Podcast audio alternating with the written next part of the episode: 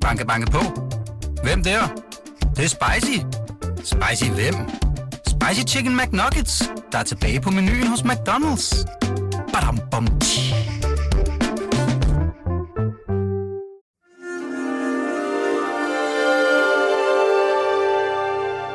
Her kommer en artikel fra Weekendavisen.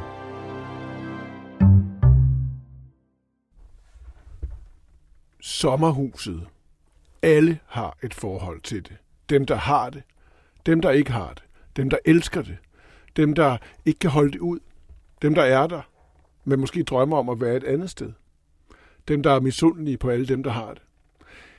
Fra arkivet har vi fundet Linnea Meyer Ernst fortælling om vores lange og følelsesbetonede forhold til den anden bolig, sommerhuset, set gennem filmkunsten. Hør artiklen her og alle Weekendavisens artikler på weekendavisen.dk.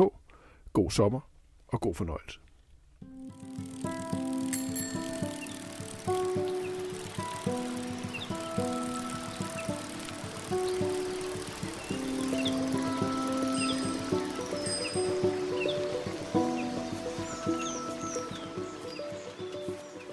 Sommerhusene har aldrig været mere populære. Men hvad er det, vi drømmer om, når vi drømmer om sommerhuset? Kan det være et frirum, samtidig med, at vi gerne vil have helårsboligens bekvemmelighed? Og hvilken rolle spiller sommerhuset i det kollektive ubevidste? Jeg har set en masse sommerhusfilm og prøver at finde ud af, hvorfor det så ofte er noget med et lidt kedeligt sat par, der tager i sommerhus og bliver myrdet. Mit navn er Linnea Meyer Ernst, og artiklen hedder Den anden bolig.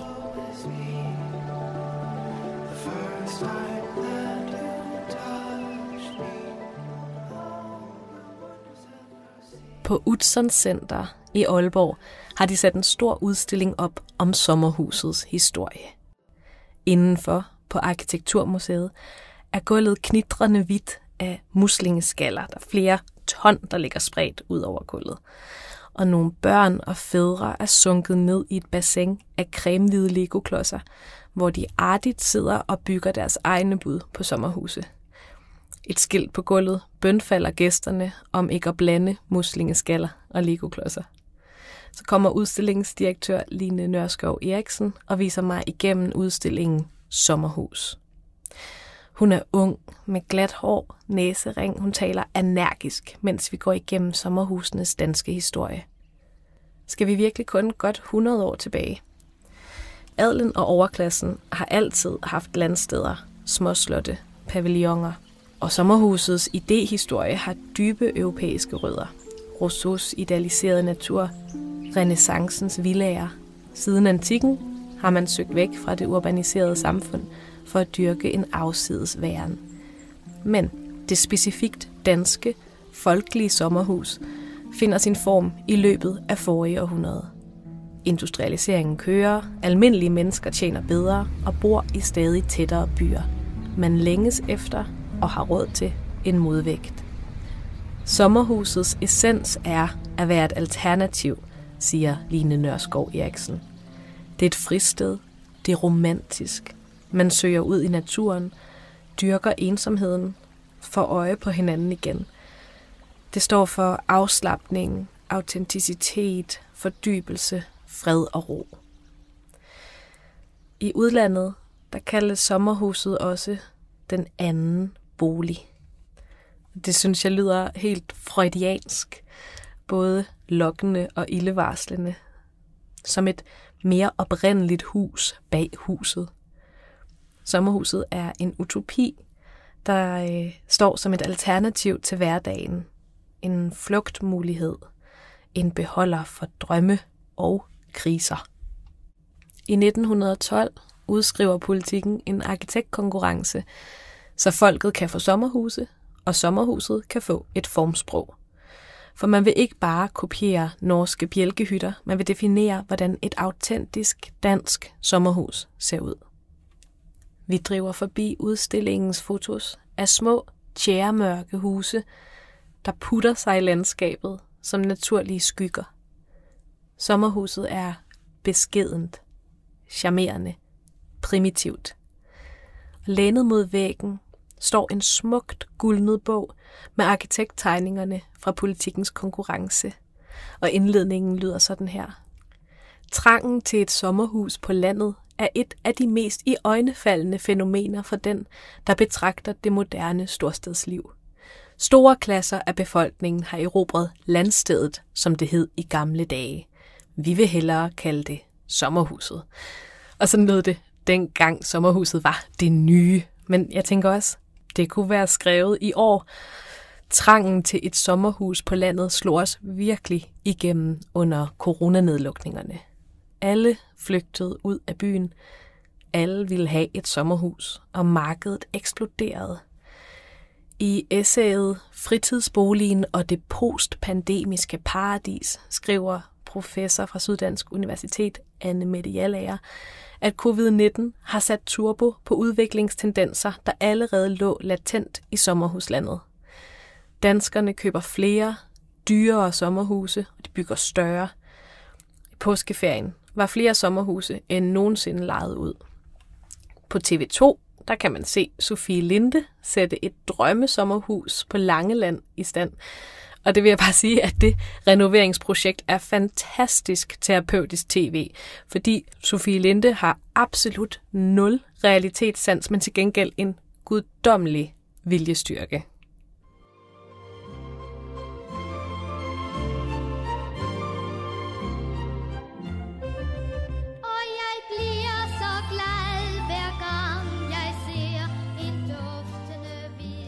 Vi går op igennem øh, 1930'erne, hvor man får ret til uhørte to ugers ferie. Så skal der bare slappes af. Arne Jacobsen tegner sommerhuset Knarken.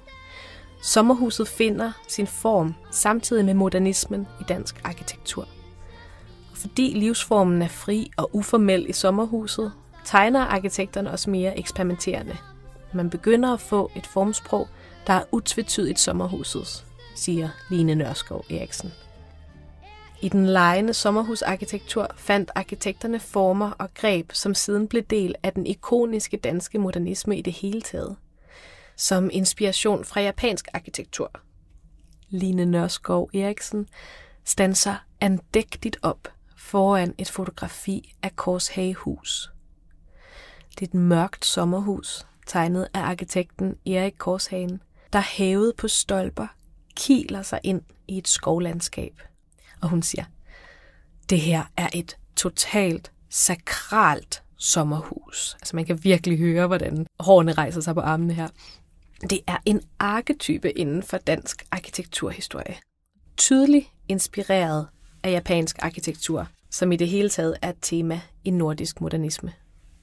De store glaspartier, der kan skydes åbne, fritlagte bjælker, så man kan se, hvordan tingene er sat sammen, og terrassen, som løber om huset.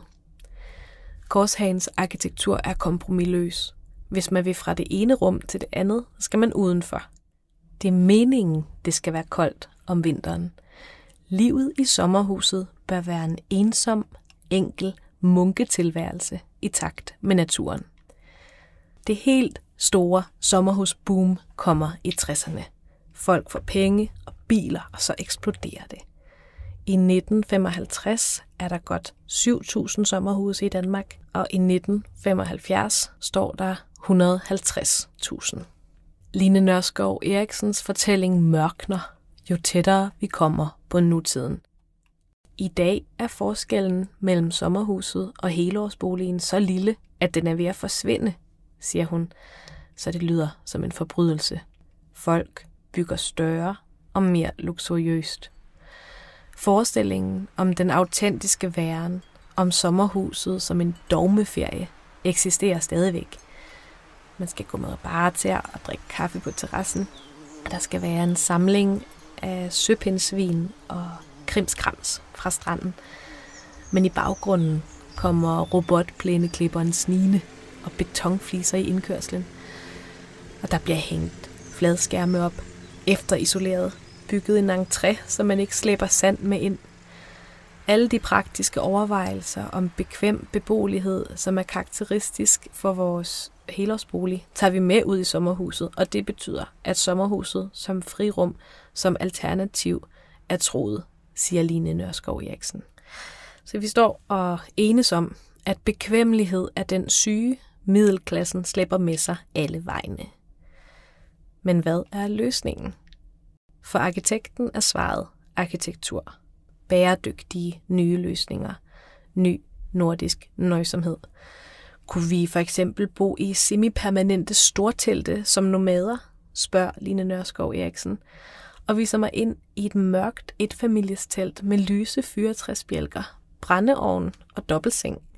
Jeg kan godt se det, selvom det også føles lidt anløbent i en migrationskrisetid, hvor teltlejre har nogle ret anderledes konnotationer. I museets atrium er der landet et sort rumskib. Perspektivlinjerne er helt umulige. Fra en side er det en spids trekant, et telt i træ, og fra en anden er det en rumpe, der ligesom vrider sig. Det er Klein A45, Bjarke Engels og Bigs bud på fremtidens sommerhus, bygget her til udstillingen.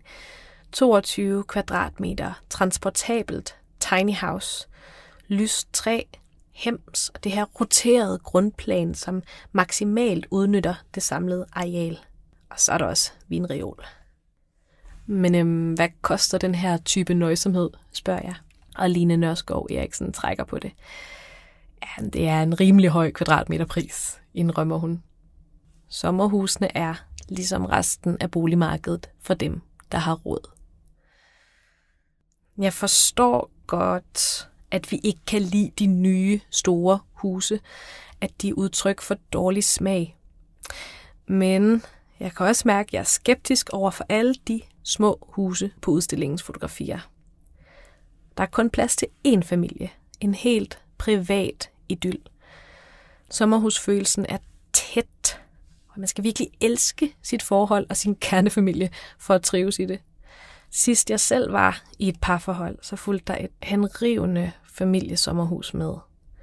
Min kæreste og mit barn og jeg tog konstant derud og ledte efter idyllen. Men sommerhuse, de fungerer lidt ligesom alkohol. De forstærker den følelsesmæssige tilstand, man allerede befinder sig i. Hvis man er lykkelig, så er man det bare desto mere selvtilfreds i et sommerhus.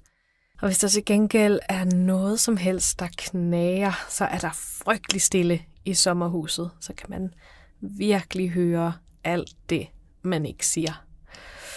Og så prøver man i stedet for at hygge sig og lægge en kævle mere i brændeovnen, og det varmer så dejligt, og så pludselig mærker man en kolilte forgiftning, der kommer snigende bag brystbenet.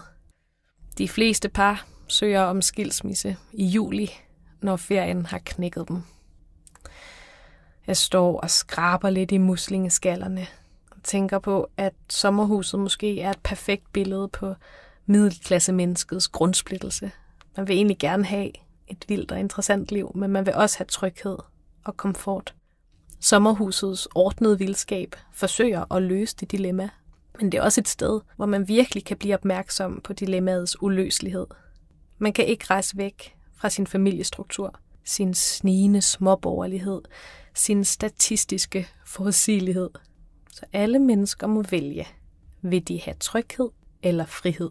Og indbygget i det valg vil de være konform eller ensom. Nu er jeg ensom lidt.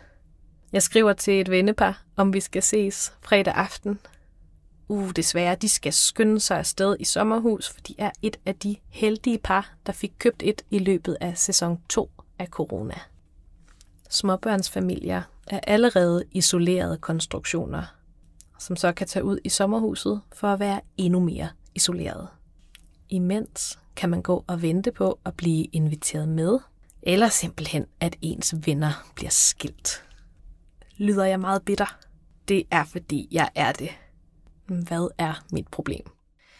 Det er på den ene side, at kernefamilien boligmarkedet, sommerhuset, alt sammen er nære strukturer. Man har nok i sig selv. Og samtidig er jeg selvfølgelig bange for, at det er mine venner, der har regnet den ud. Det, der for alvor trigger mig, er ikke midalderne sommerhusejere, der strømligner deres huse, men de par på min alder, som tager ud i nye sommerhuse og stråler i idyllen, for den til at se naturlig ud. Nå. Jeg sammensætter et selvmelidende filmmarathon med sommerhustema til min ensomme weekend og prøver at forstå, hvad det er for en plads, sommerhuset optager i vores kollektive ubevidste. Og hvis jeg er lidt ambivalent og småbitter, så er sommerhusfilmene onde og blodtørstige og hævngærige. Det er et fast motiv i filmhistorien, at et lidt for kontrolleret, pænt par tager i sommerhus, og det skulle de aldrig have gjort. Michael Hanekes Funny Games er et ureksempel. Den her pæne, irriterende østriske kernefamilie hører klassisk musik på vej i sommerhus og glæder sig til at spille golf og sejle, men i stedet får de besøg af to charmerende, lidt pågående unge mænd i lyst tøj. Hvad siger man? Bo, Han er død.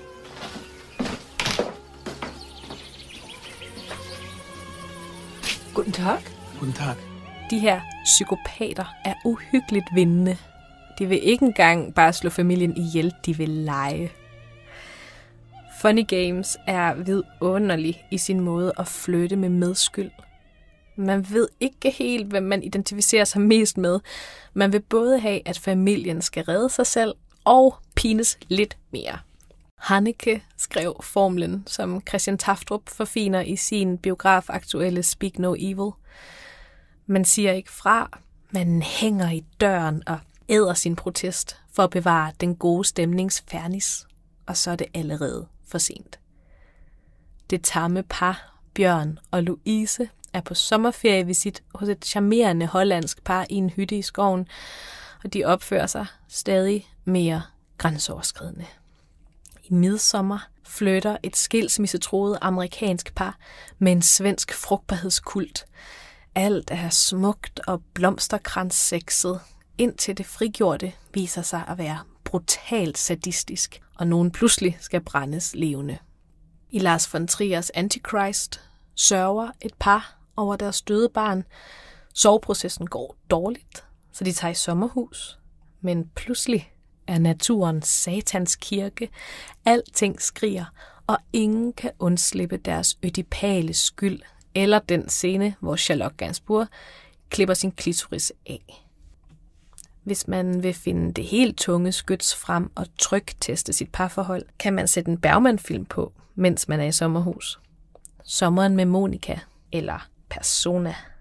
Torturmesteren Bergman behøver ikke engang myrde sine hovedpersoner. Han flytter bare ind i ens inderste usikkerhed med en hånlatter. Så de tror, at de er autentisk. og de her uhyggelige sommerhusfilm fordømmer og straffer, og budskabet lyder omtrent. I har undertrykt så meget vildskab, at når I bilder jer ind, at de kan skrue lidt på ventilen, slap en lille smule af, så springer det hele i luften. Og selv for mig virker det ret forskruet, og som falske modsætninger. Har vi virkelig kun valget mellem at være småkedeligt konventionelle, eller at blive myrdet? I stedet finder jeg en alternativ sommerhuskanon af anspændte, flirtende film, som ikke vil myrde den kedsommelige småborger, men bare forfører hende. Og her er det ikke kun et par, der tager i sommerhus, men en gruppe venner og fjender. Og hvis man er flere, så må man jo sove tættere. Tænk på Claus Rifbjergs Weekend, den første danske nybølgefilm, hvor tre par og en ungkarl tager i sommerhus, keder sig, drikker rigtig meget og er utro. Snøvlende dansk inui. Tænk på Call Me By Your Name, selvfølgelig Luca Guadagnino's film, men også Andreas Emans roman. So what do you do around here? read books, transcribe music, swim at the river, go out at night. Sounds fun. All right, later. som er et studie i, hvor længe længsel kan trækkes ud, og hvor øm og ør og liderlig og smuk den kan vokse sig. Og så er der titlen på Woody Allens lille Bergman-pastiche, A Midsummer Night's Sex Comedy, som bare siger det hele. Sommergæsterne er gamle venner, og man vil gerne småsnakke, fløte, charmere under det grønne bladhang. Men vil man mere end det? Ja, man vil, uh, men man vil ikke. Men man vil. Og Erik Romer er indbegrebet af den her genre. Pauline på stranden, den grønne stråle, nymfomanen. Det er dogne franske sommerferiefilm, hvor grænserne mellem venskab og kærlighed flimrer i eftermiddagen. Og folk liger verdenstræt eksistentialisme af sig og vågner i de forkerte senge, så slår de bare nonchalant med det lange 60'er pandehår og står op for at lave espresso. I de her film er sommerhuset en utopi, hvor kærligheden kan antage andre former, end den ellers har lov til. Man vil noget andet end den sammentømrede konventionalitet. Kan vi piske sådan en sommerhuskultur op?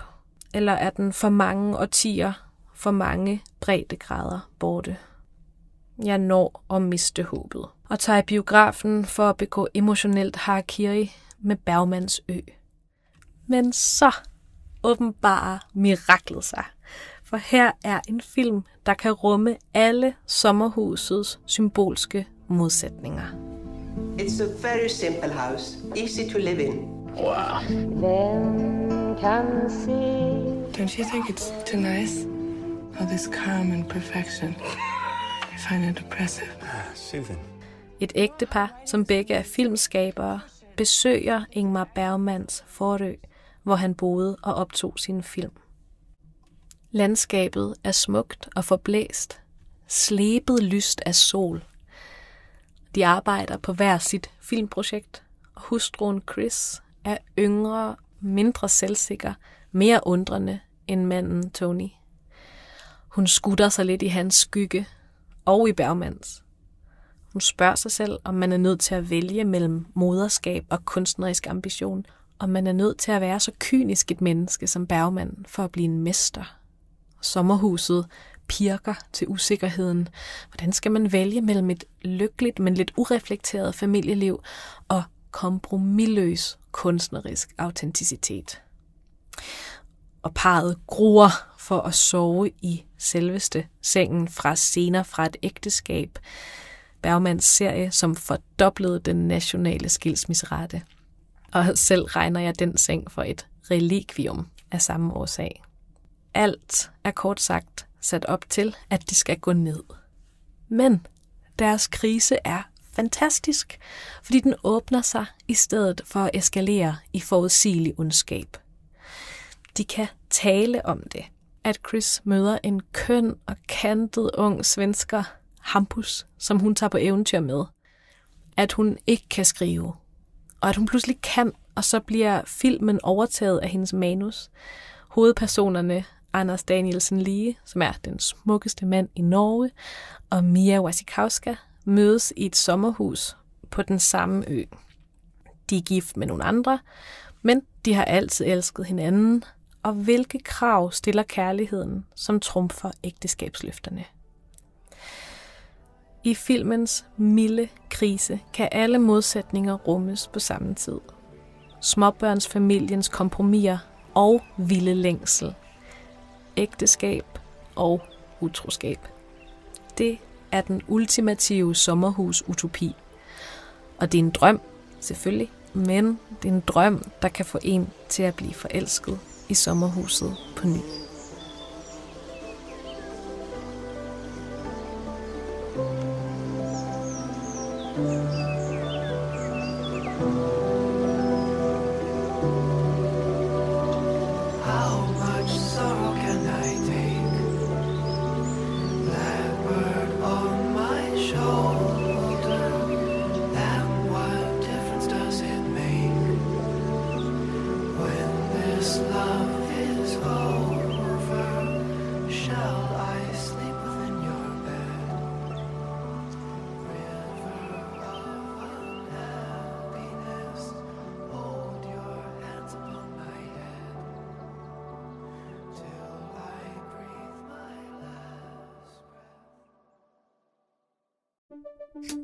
Banke, banke på. Hvem der? Det, det er spicy. Spicy hvem? Spicy Chicken McNuggets, der er tilbage på menuen hos McDonald's. Badum, bom, tji.